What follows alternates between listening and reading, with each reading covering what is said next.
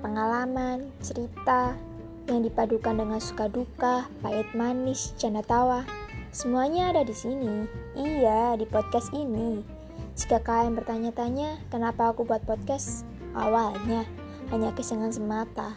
Namun, lama-lama jadi tempat curhat yang paling mengasihkan. Kenapa? Karena hatiku yang ribet ini hanya bisa diceritakan di sini.